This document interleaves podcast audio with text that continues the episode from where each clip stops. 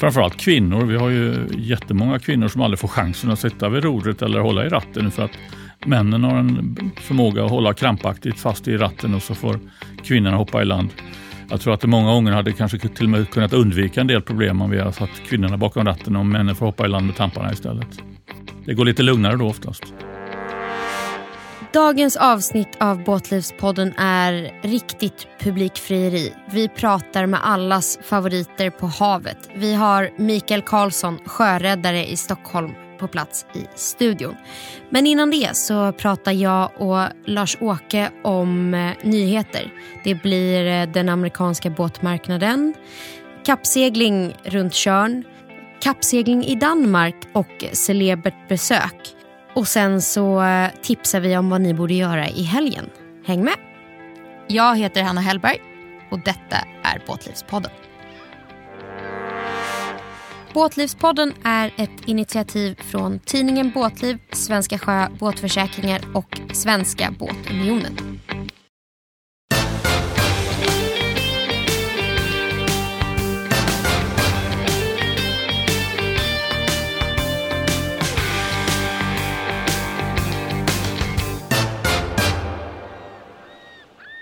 Hej Lars-Åke!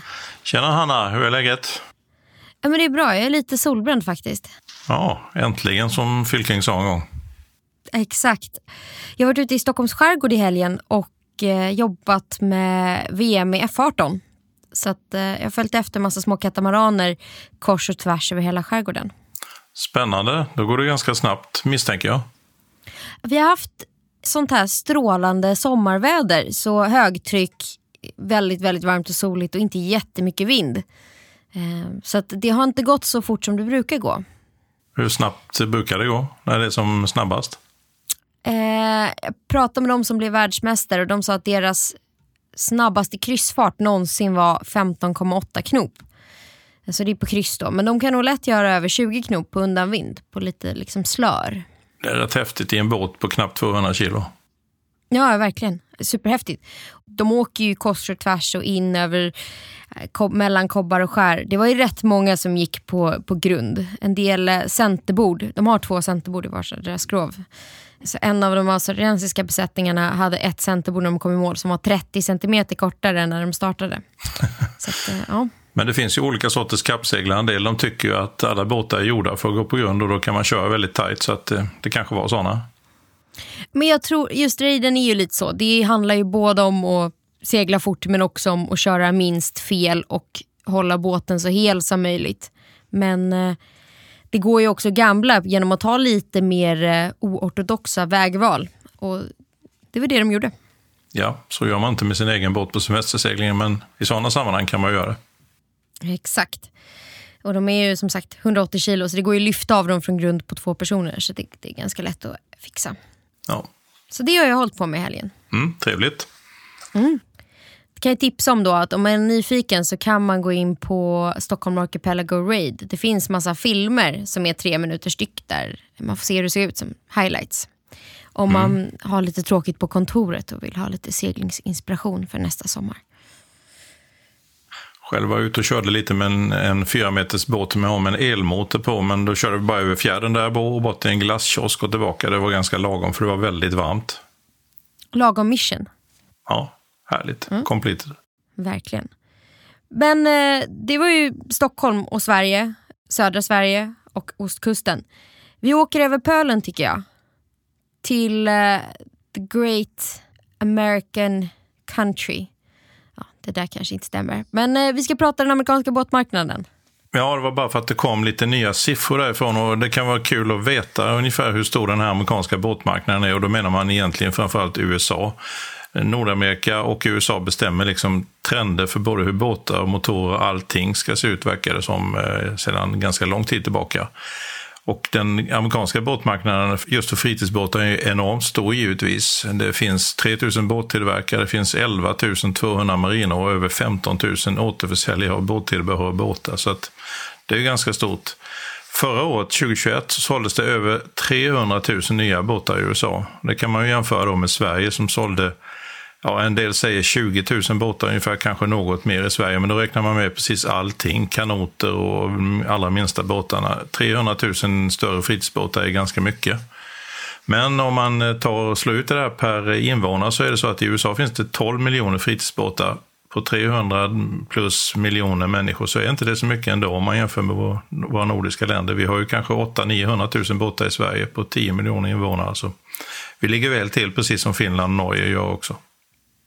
Ja, men jag tänkte precis säga det. Det låter ju som att, eh, nu ska jag försöka få min matte rätt, men det låter som att eh, där har 0,5 procent av befolkningen båtar och här är det liksom närmare 10 procent av befolkningen. Mm. Sen är det olika, vissa platser, Florida och även vissa insjöområden har väldigt många fritidsbåtar där. Så att eh, det är precis som i Sverige, det beror på lite var man åker för någonstans. Ja. Och sen kan vi täcka att de har inte lika mycket kust som vi har heller eh, i förhållande till landarea. Men eh, Stor uppgång. Men det är intressant ändå för att eh, det tillverkas ungefär 800 000 utombordsmotorer i världen och det är det som är den viktiga marknaden för motorer. Utav de så säljs 75 procent i, US, eller i Nordamerika kan man säga. Så att då förstår man varför de driver hela utvecklingen egentligen. Det är de som, där pengarna finns, det är de som bestämmer ofta. Nu ska jag komma in och vara lite negativ här men ja, jag tycker att man ser att de driver utvecklingen av större och snabbare motorer. Det känns som att de har ungefär noll klimattänk när de funderar på vad de ska ha för utombordare på sina. Det är liksom så här fyra, sex utombordare, 450 hästare. Bigger is better and size does matter. Men så är det inte riktigt. Eh, det finns en myndighet i USA som heter EPA, Environmental Protection Agency, EPA. Och det är de som bestämmer väldigt mycket när det gäller miljöpolitiken i USA. Och därför var USA det första landet i världen som införde lambdasonder, som det hette på den tiden, mitten på 70-talet, på alla bilar. Kalifornien har ju kanske 20 år haft förbud för eh, bensindrivna gräsklippare och så vidare. Så att när amerikanerna väl bestämmer sig för någonting så genomdriver de det mycket hårdare än vad vi gör. Så att alla väntar egentligen på att de amerikanska myndigheterna ska sätta reglerna för vilka utsläpp en utombordsmotor gör.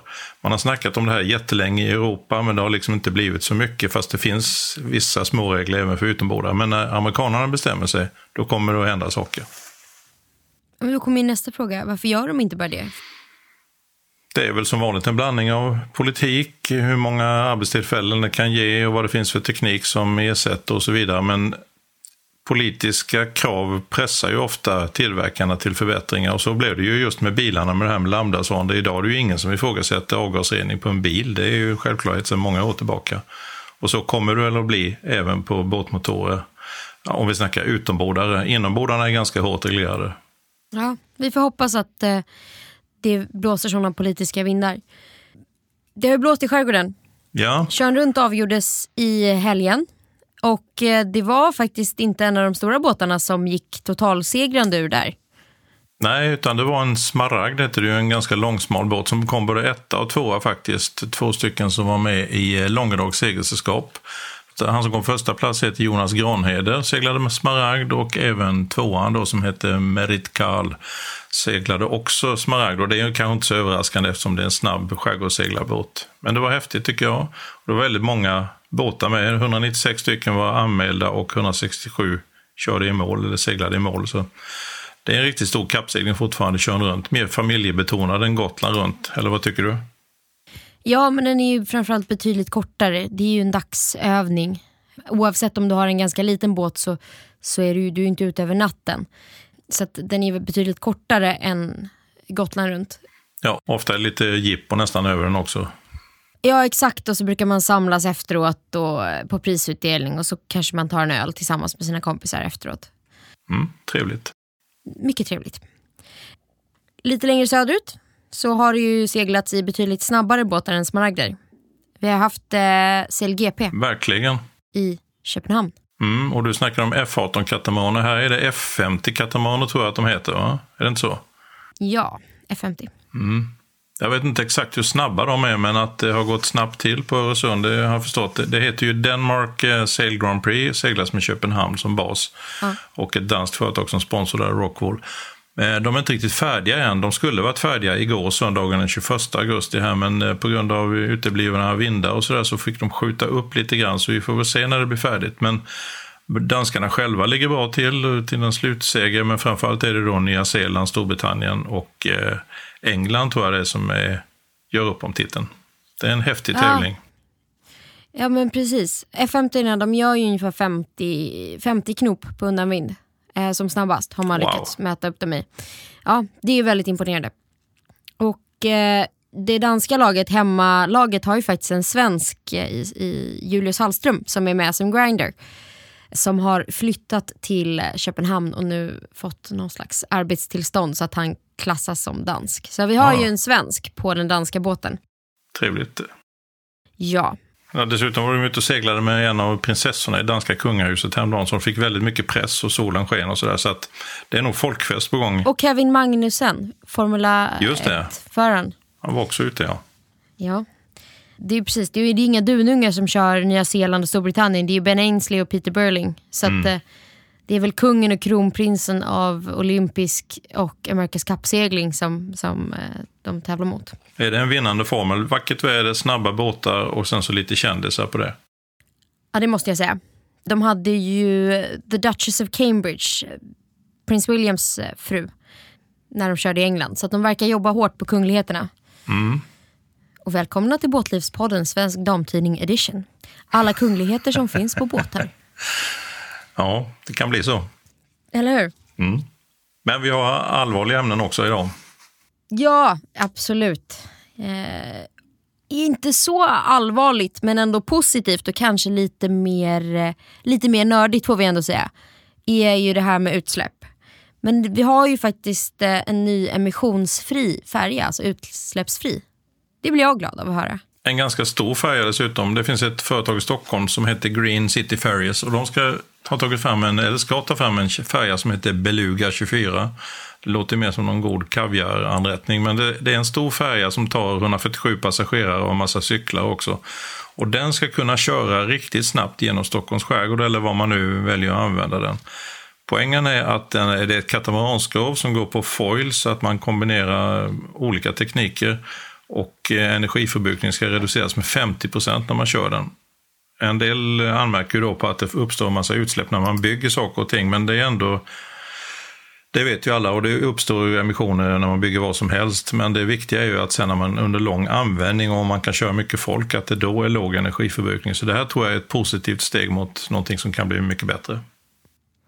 Ja, där har vi kopplingen till CLGP också. De seglar också på foils för Ja, att komma snabbare framåt. Ja, då använder den här eh, färjan inte utombordare med Rotax-motor gissar jag. nej, och frågan är om någon kommer göra det egentligen. För att eh, om ni kommer ihåg, de som lyssnar, så för ja, våren 2020 så plötsligt kom det ett mejl från eh, Kanada. Det finns ett företag som heter BRP som tillverkar flygplan och alla möjliga saker. Men de ägde också Evinrude som är den äldsta och kanske en av de mest välkända utombordartillverkarna. Och eh, över en natt så bara la man ner hela tillverkningen och stoppade allting. Men då fanns det ett projekt kvar som hette Ghost och det har varit väldigt mycket gissningar. Vad är det här Ghost för någonting? Är det en jättestor elmotor eller är det någon vätgas eller vad, vad hela friden är det de har sysslat med? Nu visar det sig att det är en Rotax-motor och Rotax det är ett företag som bygger lite speciella motorer. Ett österrikiskt företag som bygger för flygplan och snöskotrar eftersom BRP äger även Sido och Skido, alltså vattenskotrar och snöskotrar. Och nu kom det en rätt festlig utombordare som är hopbyggd alltihopa, en låg enhet. Istället för en traditionell utombordare med en hög kåpa så får det här plats under badbryggan på en båt. Och det är möjligt att vi kan få se en del av detta, men framförallt så kommer det att visas på amerikanska specialbyggda båtar som är anpassade för det här. Lite synd kanske att Evinrude försvann, men det kanske finns en framtid med Ghost, vi får se. Ja, vi hoppas det. Det är liksom som eh, en fågel Fenix som reser sig ur askan som ett spöke. Kommer tillbaka. Lite så. Måste ju nämna det också. Eh, nu nämnde du de amerikanska båtmässorna. Men det här känns ju en fredag. Och är det så att ni inte vet vad ni ska göra imorgon lördag eller på söndag så är det ju faktiskt båtmässa både på Orust och på Marstrand. Så drick morgonkaffet och ta er ut till eh, båtmässorna. Det är vår uppmaning. Men eh, innan det så hoppas vi givetvis att ni eh, lyssnar på intervjun som kommer nu. Den är supertrevlig, supermysig och framförallt väldigt, väldigt eh, viktigt tror jag.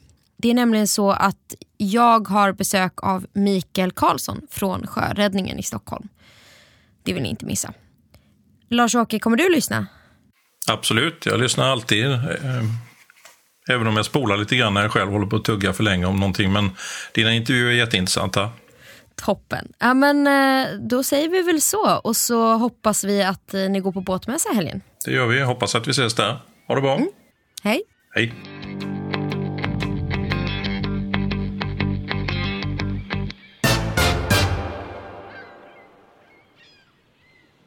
Jag har fått skäll idag att jag är så segelbåtstillvänd och inte tillräckligt motorbåtstillvänd. Min hjärna är mycket ockuperad av segling och då tycker de att jag glömmer bort de 75% av Sveriges båtliv som är segelbåt och inte motorbåt. För för mig är det inte så.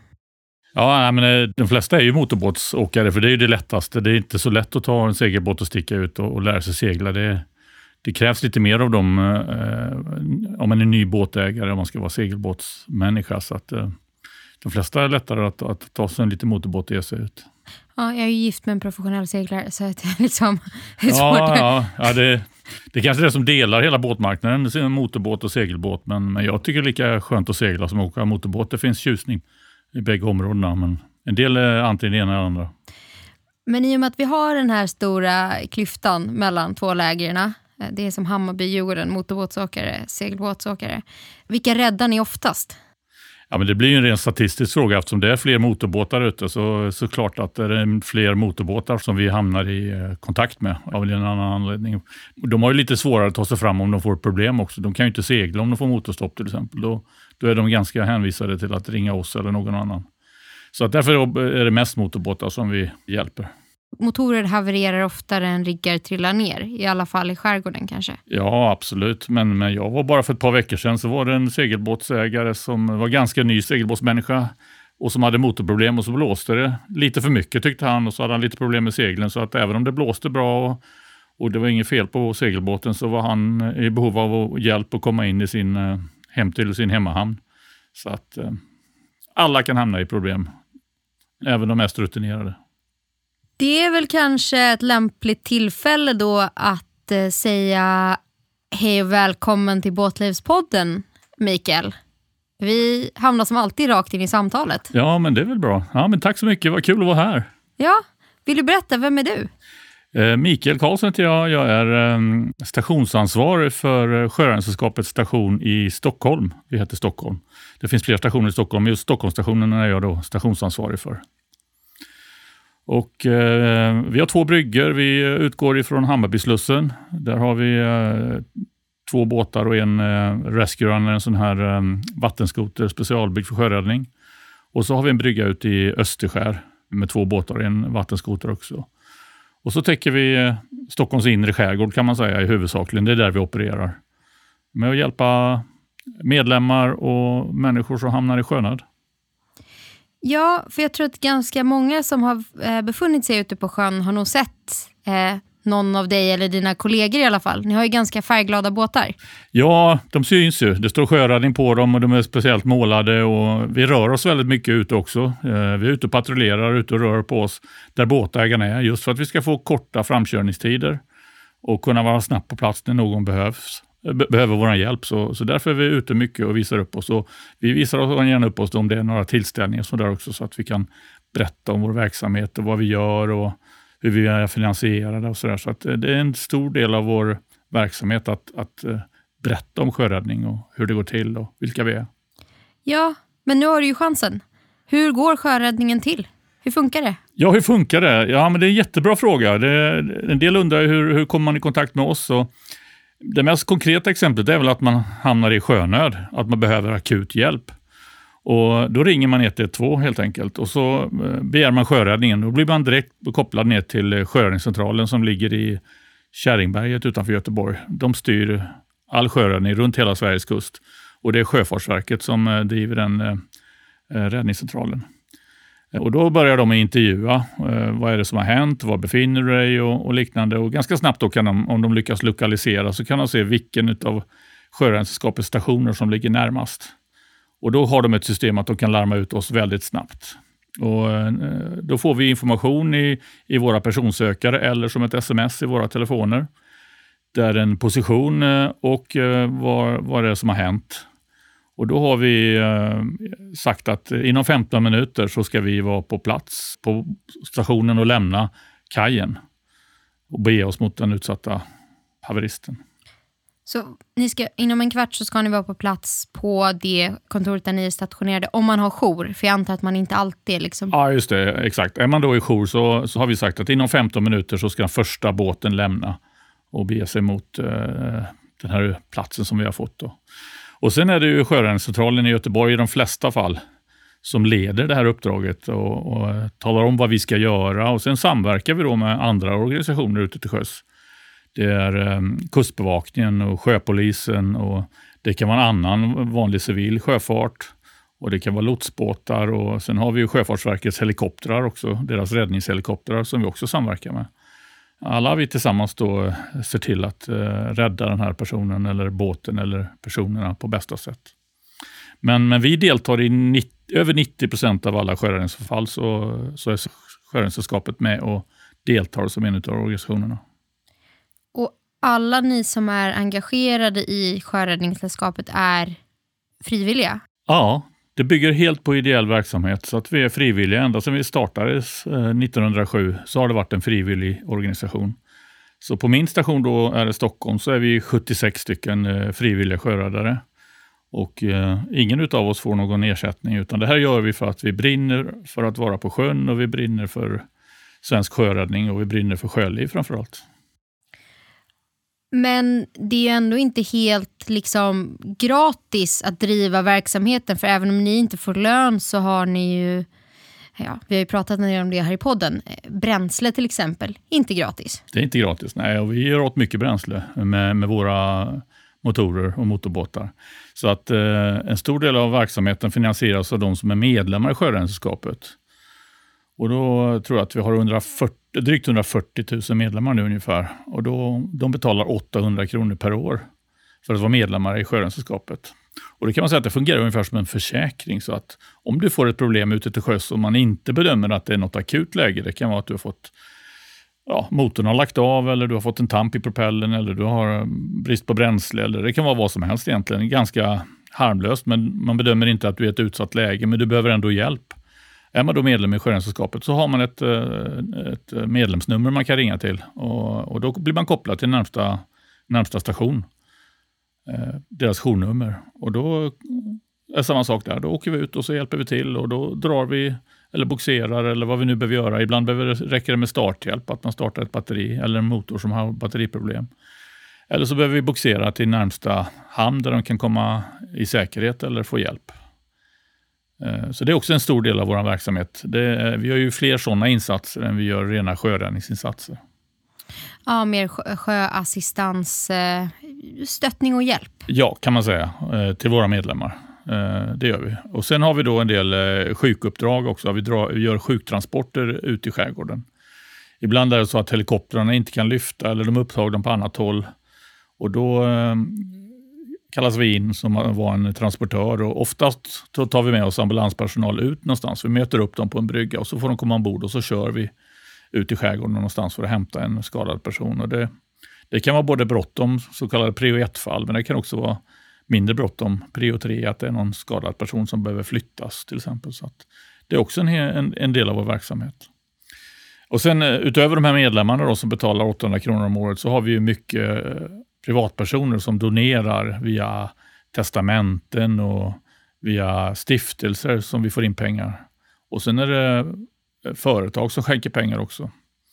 Och Det är ofta så vi finansierar de båtar vi får. Det kan man se namnet på båtarna brukar oftast avslöja var pengarna kommer ifrån. Så om vi har en båt som heter Handelsbanken Liv till exempel, som den heter ute på Möja, eller som vår 11 meters båt heter Rebecca of Oddfellow, Ja, ni har väl eh, Maj Rassi på Maj Rassi finns en båt som heter på västkusten. Den kommer av familjen Rassi som äger Hallberg Rassi-varvet. Och, eh, så är det runt hela kusten att båtarna oftast avslöjar vem det är som har skänkt pengarna till dem. Det kan det väl ändå vara värt om man har skänkt en båt till en god sak tycker jag. Absolut. Ja, men vi tycker det, oftast vill man ju hedra någon person genom att skänka en sjöräddningsbåt. Och då tycker vi det är kul att, att namnet får, får pryda båten. Och nu tror jag att många har... Du pratar ju väldigt passionerat om just sjöräddningen och det låter ju faktiskt ganska kul, även om ni med all största respekt hanterar saker som kan vara farliga och så, så låter det ändå som ett, ett kul jobb, om man får kalla det det. Hur, hur blir man sjöräddare? För det första så håller jag med, det, vi gör det här för vi tycker det är kul. Eh, vi älskar ju att vara på sjön och hjälpa människor. Men eh, att bli sjöräddare är inte så krångligt. Eh, man kan gå in på Sjöräddningssällskapets hemsida och, och, söka. Och Det enda vi ställer som krav är att man har fyllt 18 år eller att man är, har målsmans godkännande om man är under 18 år. Att man är fullt frisk och att man kan simma 200 meter. Det är egentligen de enda kraven vi ställer för att man ska kunna bli frivillig sjöräddare. Så vi är mer ute för att leta efter rätt person som har det rätta inställningen till det här kan man säga, hellre än att vi får eh, personer som har jättemycket nautisk kompetens. Vi kan utbilda personer och bli sjöräddare, men vi letar efter eh, rätt personer med, med en ödmjuk attityd och ett stort intresse och ett brinnande intresse för, för att rädda och hjälpa andra människor. Jag har sett en del av era uppvisningar. De är rätt avancerade ibland. Jo, men vi övar mycket. Vi är, jag vill säga på sjöräddning är vi, vi är duktiga på sjöräddning. För det är det vi övar och det är vår, vår huvuduppgift. Så att, eh, där känner vi att vi ska vara vassast i Sverige. Och vi övar väldigt mycket. Eh, plocka upp folk i vattnet, eh, boxera, borda. All den typ av verksamhet som vi, som vi kommer i kontakt med sen på, på sommaren. Så att, eh, det är viktigt att vi är vältränade. Men det tar nästan ett år att utbilda en sjöräddare. Vi tar in eh, en gång om året. Och Sen får man gå som elev första året, ungefär, ungefär ett år hos oss. Det är lite olika på olika stationer. Vi har ett gynnsamt läge på RF Stockholm. Vi har vi över 100 sökande varje år till vår station. Så vi har mer ett eh, arbete om att hitta rätt personer i den här massan av människor. Men sen går man då som elev ett år och sen får man gå eh, två kurser innan man är färdig räddningsperson. En kurs som vi kallar för egen säkerhet som handlar om att eh, säkra sig själv och se till att man själv inte hamnar i, i problem. Lära sig att vara i vattnet och jobba i vattnet och vad händer om jag hamnar i ett problem, brandsläckning och den typen av verksamhet. Och Sen har vi en kurs som heter Basic SAR, som då får man lära sig mer sjöräddningsspecifika uppgifter som eh, bordning och sökning och bärgning och allt vad det nu kan vara. Och sen är man en färdig sjöräddare och då börjar man gå jour på, på RS Stockholm eh, som en färdig räddningsperson. Men man slutar väl inte utbilda sig för det? Nej, det där är bara början på, på en stege. Jag har varit sjöräddare i ganska många år nu och förhoppningsvis så blir jag antagen till en kurs i, i höst här som heter OSC, som är en, en kurs som Sjöfartsverket eh, anordnar eh, nere i Göteborg. Eh, så att, fast jag har varit sjöräddare över 20 år så hoppas jag att det finns möjlighet att, att utvecklas, både som att gå kurser men även att utvecklas som, som skeppare ombord på våra båtar. Där finns mycket fortfarande att lära sig. Så det kanske är någonting man då får, istället för då en traditionell lön så får man kunskap i mängder. Ja, exakt. Men, men den bästa lönen tror jag det är när man har räddat någon eller hjälpt någon medlem och, och se det här leendet som de får eller den här äh, avslappnade attityden, det här äh, när de blir, kommer i land och allt. Det gick bra. Ja, det gick bra och de pustar ut. Och, jag var, det, drygt en vecka sedan så var vi utanför eh, Nacka strand eh, och, och, då var det en båt som hade fått en, eh, en brand ombord. Och det var en eh, familj med, med fyra personer, fyra vuxna och två barn och de har haft brand ombord. De hade lyckats släcka den här båten eh, själva, men det pyrde och rök en del när vi kom fram. Och med hjälp av eh, brandbåten eh, Fenix så, så släckte vi den här båten och så boxerade vi in dem till sin hemmahamn som inte var särskilt långt bort. Och de var naturligtvis skärrade eh, över vad som kunde ha hänt och som inte hände. Det var lyckligt utfall i det här eh, fallet. Men eh, att se den här mannen som pustade ut, helt genomsvett, det var väldigt varmt och det var en hög stressnivå. Och se honom pusta ut när det hade gått bra för hela hans familj och, och hans barn. Det var betalningen för mig att säga att ja, men, vi, vi, pratade ut en stund om vad kunde ha hänt och han var så glad att det hade gått så bra. Sen att han hade en båt som, som behövde jobbas med eh, ja. var liksom helt underordnad. Han var så glad för att vi hade hjälpt honom. Och det är ju den bästa lönen vi kan få. Var de medlemmar? De var medlemmar. Perfekt ju. Men sen behöver man ju inte vara medlem om man, är, om man har en brand ombord, utan då, då hjälper vi alla. Jag tänker ändå att det är bra karma att gå med i Sjöräddningssällskapet. Jag sitter och känner det här nu, att det det är nog nästa steg. Ja, jag tycker att även om man inte behöver hjälpen så kan man ju konstatera slutet av säsongen, ja men de där 800 kronorna gick i alla fall till någon bra verksamhet. Vi ställer upp med, med våran fritid. Då tycker jag att då, då har man skänkt de där pengarna till ett välgörande ändamål, även om man inte behövde ha hjälp. Ja, eller om man har typ barn så brukar det här vara, det gör sommaren när man får se de här gulröda båtarna Ja. och får komma ombord och kika. Så att det är liksom billigare än Gröna Lund. Och, och behöver man vår hjälp kan jag säga att då är det betydligt billigare än att ringa någon kommersiell aktör och behöva ha hjälp. Så det är en bra försäkring. Ja, jag tycker det är en bra försäkring. Så att, eh, jag, jag tipsar alla att gå med som medlemmar i Sjöräddningssällskapet, även om man inte har båt.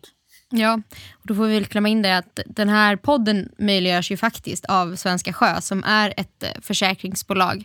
Och eh, om man då har till exempel medlem i Sjöräddningssällskapet så kan man ofta undvika olyckor som kan bli mycket värre tidigare och det tycker försäkringsbolaget om. Så skaffa mycket försäkringar, det är det vi säger. Om man är lite eh, ny och ska ge sig ut på sjön, man kanske har hittat sin eh, första båt eller man kanske har eh, bestämt sig för att släppa sargen och åka ut utan sin partner som alltid skötte allting. Vad har du för liksom, tre tips om man är lite ny? Ja, tre tips. Eh, Jag har jättemånga tips, men, men ska vi bara ta tre tips så, Du får ge fler. eh, så ska man väl för det första lära känna sin båt. Så att man vet hur den fungerar Mm. eh, när man ger sig ut. Och så ska man kolla över att den är sjövärdig så att den inte tar in vatten, och att motorn är servad och att den är genomgången och fungerar. Allt det där innan man ger sig iväg är viktigt. Och sen ehm, att man tittar igenom utrustningen så att man har utrustning utifall att något skulle hända. Det räcker att man har ett öskar, att man har en brandsläckare och att man har en paddel så man kan paddla in till land. Är man i Stockholms skärgård så har man ju öar nära så det är bra en paddel ombord. Och sen när man då ger sig ut så är det ju superviktigt att man har eh, flytväst på sig. På sig säger jag, inte med sig utan på sig. Och sen eh, är det ju jätteviktigt att man kan larma någon om det händer något. Och då är det bra att ha en mobiltelefon, jättegärna i ett vattentätt fodral. Så även om man hamnar i vattnet så kan man då larma. Är man då själv ute och skulle av någon anledning hamna i vattnet, har man då telefonen i ett vattentätt fodral, ja då kan man larma oss och då, då är inte vi särskilt långt bort förhoppningsvis. Och Sen är det jättebra att man meddelar folk i land att nu sticker jag ut eh, härifrån och nu ska jag åka ut till var det nu är någonstans och jag är framme om, om två timmar ungefär. Då, då vet ju folk att efter två timmar, om man inte kan få tag i den här personen, ja, då bör man kanske börja fundera på vad ska man göra? Har det hänt något? Eller sådär. Så att, det är väl en, några enkla tips. Och här är också till alla er som blir så tagna av Stockholms vackra skärgård och stannar och badar och allting går bra men det tar längre tid än vad det borde gjort. Hör av er och säg det då. För då slipper man ha folk som sitter hemma och oroar sig. Det här är en liksom lite speciell pik till min man här. Okej. Och som jag vet att min mamma har sagt många gånger till mig. Så jag, jag säger det. Ändrar ni planerna, meddela det då. För då behöver man inte dra igång sökpådraget heller. Nej, det är ganska många sök som vi drar igång och sen kommer det fram till att personen har valt att åka någon annanstans och inte hört av sig och har en, kanske en urladdad mobiltelefon. Och då ska man veta att eh, vi, vi spar, man spar inte på krutet när man, eh, när man saknar en person, utan många organisationer dras ut på larm. Det är helikoptrar och det är polisbåtar och det är sjöräddningsbåtar och kustbevakningsbåtar. Så det kan vara många båtar som dras ut som istället då skulle kunna vara på ett annat uppdrag eh, om det visar sig att, att den här personen inte var i fara. Och då säger det, ta med en powerbank också och den ska inte användas för att ungarna ska spela Candy Crush utan den ska vara ifall det är ett nödfall. Skulle man få slut på batteri, inte har en powerbank men allting går bra, ja men stanna på en restaurang, en mack eller någonting och hör av er. Batterierna är slut men allting är fine. Det är jättebra tips. Ja. Ja. Och sen eh, alltså, läsa, lära sig läsa ett sjökort. Det är inte särskilt svårt. Nu finns det ju, de flesta båtar har ju ganska avancerade plottrar idag. Så att man kan se var man är någonstans och var det finns grynnor och var det finns eh, grund någonstans. Men också att man lär sig att använda den där plotten på ett bra sätt. Och gärna att man lär sig att läsa ett, ett vanligt papperssjökort. Och lär man sig navigera lite eh, så upptäcker man ganska snart att det där är ju faktiskt riktigt kul. Så att eh, det är ju en av de roliga sakerna att titta var man har, var man har varit någonstans och kolla på den där ön och vad spännande, här kan vi köra in, det verkar roligt. Ja, så du tipsar om, är det den där klassiska typ förarbevis och kustskeppare du tycker att man ska ta ja, till sig? Ja, förarbevis tycker jag är en jättebra start eh, innan man ger sig ut första gången. Det är en ganska billig investering och då lär man sig att läsa sjökortet och lära sig de enklaste sjövägsreglerna så att man inte hamnar i, i trubbel. Så det tycker jag är ett jättebra tips.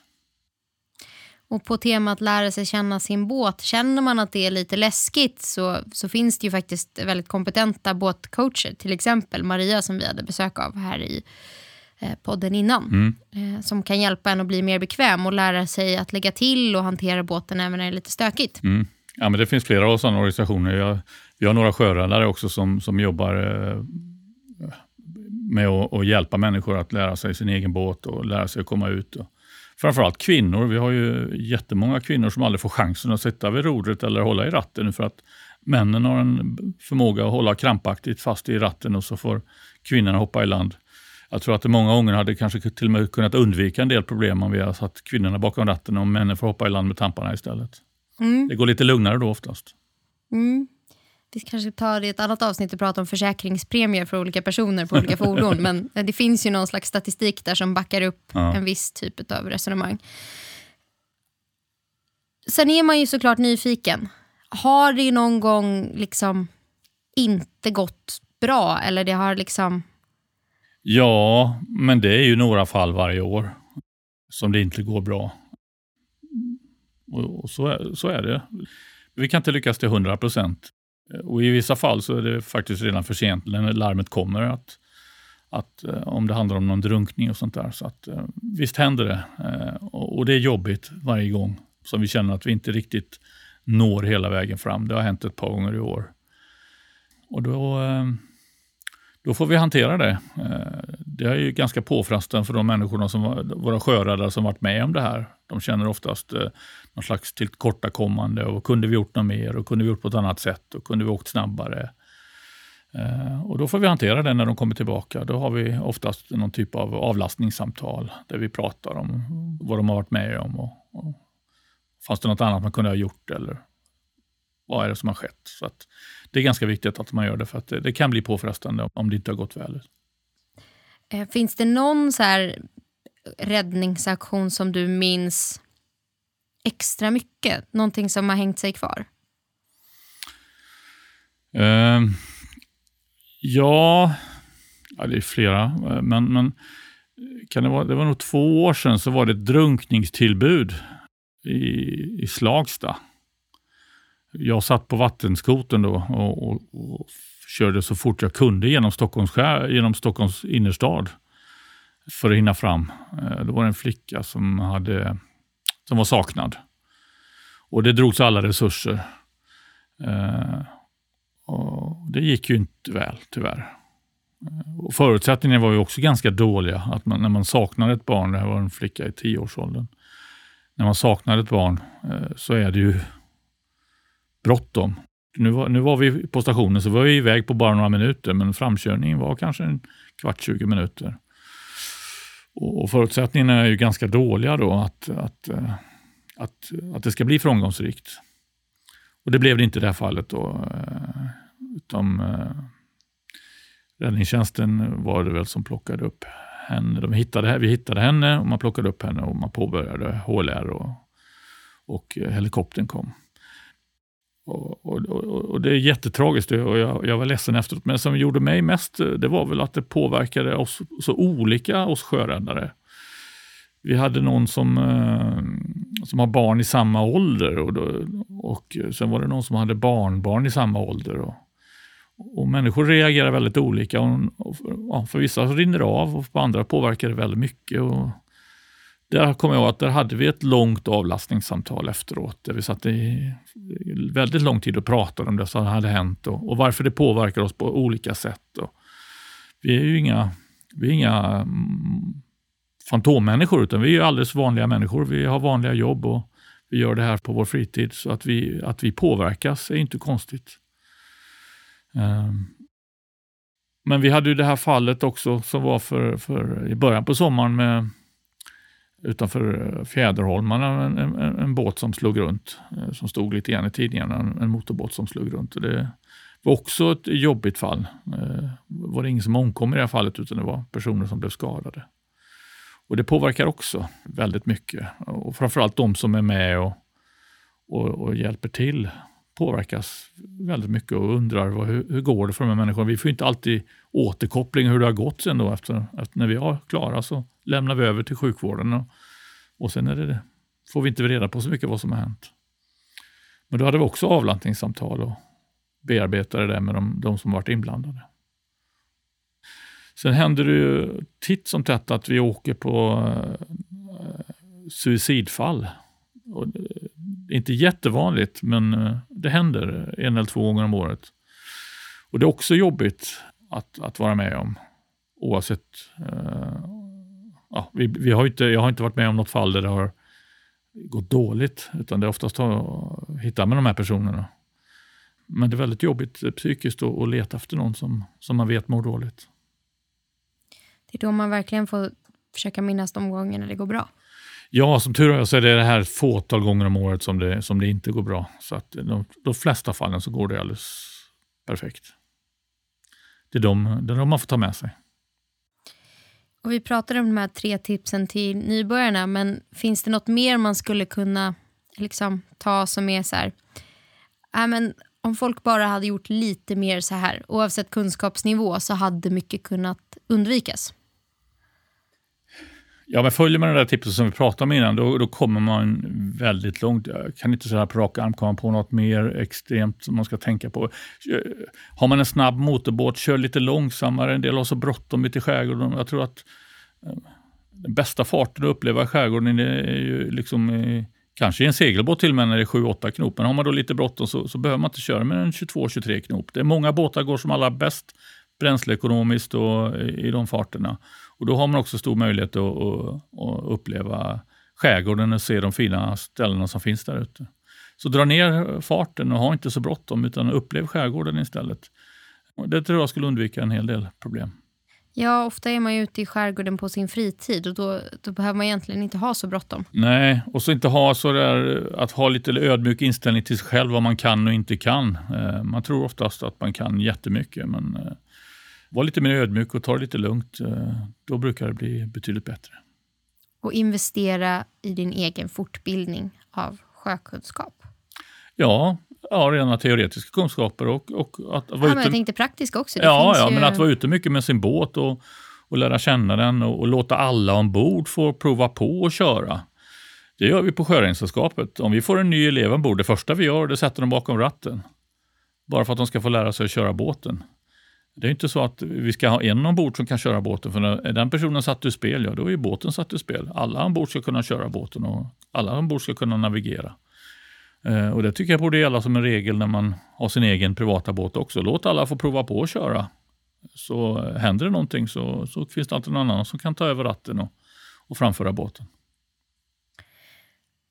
Från det ena till det andra. Mm. Jag gillar att fråga människor som ändå befinner sig väldigt, väldigt mycket ute i skärgården om de har några smultronställen som de vill tipsa om. För jag tänker att du ändå har åkt någon gång mellan öarna. Ja, alltså jag, jag tycker ju om de här skärgårdskrogarna som finns ute i, ute i Stockholms skärgård. Jag har inte varit så jättemycket ute privat med egen båt. Jag har ingen egen båt för tillfället, så att jag har inte varit så jättemycket ute. Men, men att bara ta en Vaxholmsbåt och ge sig ut. Eh, jag tycker Grinda är fantastiskt fint. Eh, jättelätt att komma dit ut och, gå, och hitta ett ställe där du kan få vara för dig själv. Finnhamn är ju fantastiskt fint. Där har jag varit med segelbåtar par gånger. Men sen finns det hur mycket öar som helst. Alltså, senast i söndags var jag ute med en kompis båt i områden där jag inte hade varit innan. Och, och vi hittade en liten klippa. Vi gick in med en, med en motorbåt, hittade en klippa, lyckades uh, lägga ut och tankar och förtöja. Och så låg vi där och badade i några timmar och, och hade lite mat med oss och hade en fantastisk dag. Eh, och det finns ju tusentals sådana ställen ute i skärgården, så det handlar bara om att våga ge sig ut. och, och ta det försiktigt och, och försöka leta så hittar du många fina ställen. Sen finns det nog säkert böcker om det här också som förklarar var det finns ställen, men då hamnar man oftast i ett, eh, ett sjok av båtar som ligger förtöjda, de här populära platserna. Men ut och, ut och upptäck Stockholms skärgård, det tycker jag är jättetrevligt. Mm. Gå vilse, som det så fint heter. Ja, absolut. Eller åka vilse, fast ha koll på navigationen. Ja, jag gjorde, när jag gjorde lumpen så låg jag i flottan och då åkte vi mycket i Stockholms skärgård. Men då satt jag nere i båten så jag upplevde aldrig någonting då. Så jag vet inte nästan var vi var någonstans. Men, men eh, en sak som, jag, som man pratar om då som var en lite rolig grej, det var det här eh, skorpnavigering. Och det brukar jag fråga mina sjöare om de vet vad skorpnavigering är för någonting. Nej, jag har ingen aning. Vad är det för någonting? Ja, men det är bara, man stannar vid närmsta bageri eller café som man ser i skärgården. Så går man in och köper en skorpa och så ser man vad det står på påsen. Då vet man var man är någonstans. Jaha, så står det Sandhamns bageri på så bara, ja, ah, då är vi på då Sandhamn. Sandhamn. Ja. Och står det utebageri, ja det är vi på ute. Så att, jag har aldrig hört det. Nej, det, jag har aldrig hört det efter att vi gjorde lumpen heller, så det är många år sedan, men eh, det är lite roligt. Ja. Vet du, vi har faktiskt fått in en, en, en lyssnarfråga. Ah, okay. Mm, vi har pratat om alla fina fordon ni har mm. och vad de heter. Och så det här tänker jag att det kanske inte finns ett enkelt svar på det här, men eh, vilken är den bästa livräddningsbåten hade personen formulerat det som. Ja, men, eh, det är ju alltid den senaste. Vi har ju två bra båtar, men jag, eh, de här 11 meter som vi har, eh, de heter postkodklassen. Ja. De är jättebra för inne i skärgården. Och sen har vi två 8 meter, så det är två våra eh, arbetshästar. De kallas för 8 meter. Det är en Gunde Larsson-klassen heter de. Jag vet inte hur många sällskapet har gjort. Det är över 60 sådana båtar. Öppna båtar kan köras av två personer. Vi har två sådana på stationen. Det är riktiga arbetshästar. De går i ur och skur och kan göra underverk där ute. Och de drivs med en vattenjet och de är lätta att köra, lätta att manövrera och lätta att komma in på små ställen.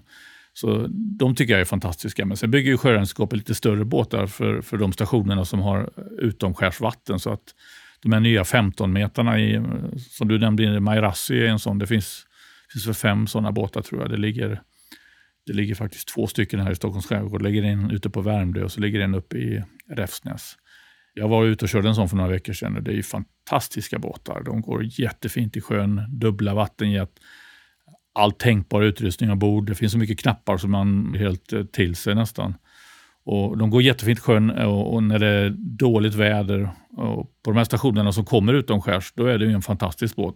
För oss hade det varit en katastrof i Stockholms innerstad att köra med en 15 meter. Vi hade vi hade ställt till problem i första bästa hamn som vi kom in.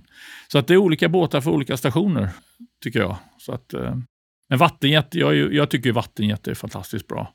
Det är lätt att manövrera. Och jag tror att på närmst, framtidens båtar som Sjöräddningssällskapet eh, utvecklar så kommer man nu fokusera på vattenjet som, som framdrivning. Det blir inga tampar som fastnar i propellrarna då? Nej, det fastnar inga tampar i propellrarna, men det finns en, eh, kallas för en impeller, ja. den som driver vattnet i, i, och där kan man få också in en tamp. Det har vi själva haft, hade vi problem med i våras. Att, Eller eh, kvistar och grenar. Ja, det kan komma in grejer där så att eh, man är inte garanterad att, eh, att det inte blir problem. Men eh, framförallt är det ju manöverbarheten och sen eh, att man liksom inte har något som sticker ner i vattnet som kan gå på en klippa eller någonting. Så att... Vilket är bra om man har bråttom om man har bråttom och framförallt när man är som vi, vi är på, många gånger på ställen där man inte ska vara och köra båt. Nej. Och då är det bra att ha en båt som klarar det. Du sa att det gällde att ha, jag höll på att säga don efter person, men då don efter station i det här fallet. ja. Var finns ni? Runt hela Sveriges kust. Från Strömstad hela vägen upp till, ja, var är den nordligaste stationen? ligger långt upp i, i Bottenhavet. Ja. Eh, och sen finns vi i alla de stora sjöarna också. Vänern, Vättern, Mälaren, Storsjön och nu kanske jag missar någon sjö till till och med. Siljan finns vi också i. Ja. Och sen är det olika tätt eh, naturligtvis beroende på eh, hur mycket båtar och sånt det finns i det området. Som i Stockholm så ligger det väldigt tätt med stationer. Vi har ju eh, på eh, Stockholms innerstad täcks av stationen som heter eh, Ekerö-Munsö som ligger ute i, ja de har tre bryggor men ligger ute på Ekerö. Och sen har vi då är det Stockholm som täcker Stockholms inre, inre skärgård. Och sen går man utåt så har vi Värmdö som täcker runt Värmdö och, och Kanholmsgärden och en bit ut där. Och sen har vi Möja som täcker Stockholms ja, kan man säga, yttre skärgård och en bit norrut. Och, och norr om dem så kommer Räfsnäs som ligger utanför Norrtälje. Och de täcker hela eh, Furusundsleden ner till, de möter oss någonstans på mitten. Och sen går vi söderut så har vi Ornö som täcker utanför Ornö och ett område där och sen har vi Dalarö och sen är Nynäshamn och sen fortsätter det hela vägen ner till Södertälje, Trosa, Arkösund, ja, nu missar jag säkert kanske någon på vägen och så norrut. Och, eh, alla de här har ju engagerade eh, besättningar som alltid står redo att rycka ut om det händer någonting. Så att, eh, är, man, är man medlem i Sjöräddningssällskapet så är man aldrig långt ifrån en station. Nej. Om man är på svenska vatten i alla fall. Ja, det är väl kanske ett bra ställe att runda av på. Unna dig själv att vara trygg i skärgården. Unna dig själv 800 kronor om året för att bli medlem i Sjöräddningssällskapet. Och eh, hoppas att du bara får träffa dem i glada situationer. Ja, vi har ju en sån standardfras som vi säger när vi pratar med någon som vi träffas och så säger vi alltid hoppas vi inte ses. Nej. I alla fall inte i de omständigheter som vi rycker ut i. Nej. Hoppas man kan få se er på typ någon häftig övning istället. Ja, det, det välkomnar vi. Vi kommer att visa upp oss på flera ställen framöver. Det finns flera evenemang. Jag tror att vi ska försöka visa oss på Kulturfestivalen här som börjar redan nu i veckan här i Stockholm. Kommer ni till båtmässorna? Ja, det räknar jag med. Nu är inte det jag som bestämmer det, utan nu är det huvudkontoret i Göteborg. Men eh, vi har alltid för avsikt att vara på båtmässorna, så eh, det räknar jag kallt med att vi, att vi är. Och då brukar det vara en eh, häftig båt som, som ställs ut på båtmässorna. Så får man gå ombord och kolla och, och, se på alla de här skärmarna och knapparna som, som vi har till förfogande när vi är ute och kör. Ja, men toppen. Passa på, kom. Kom. Mikael, tack så mycket. Och så säger jag så här, vi hoppas vi ses på båtmässan. Ja, tack så mycket. Hej. Hej då.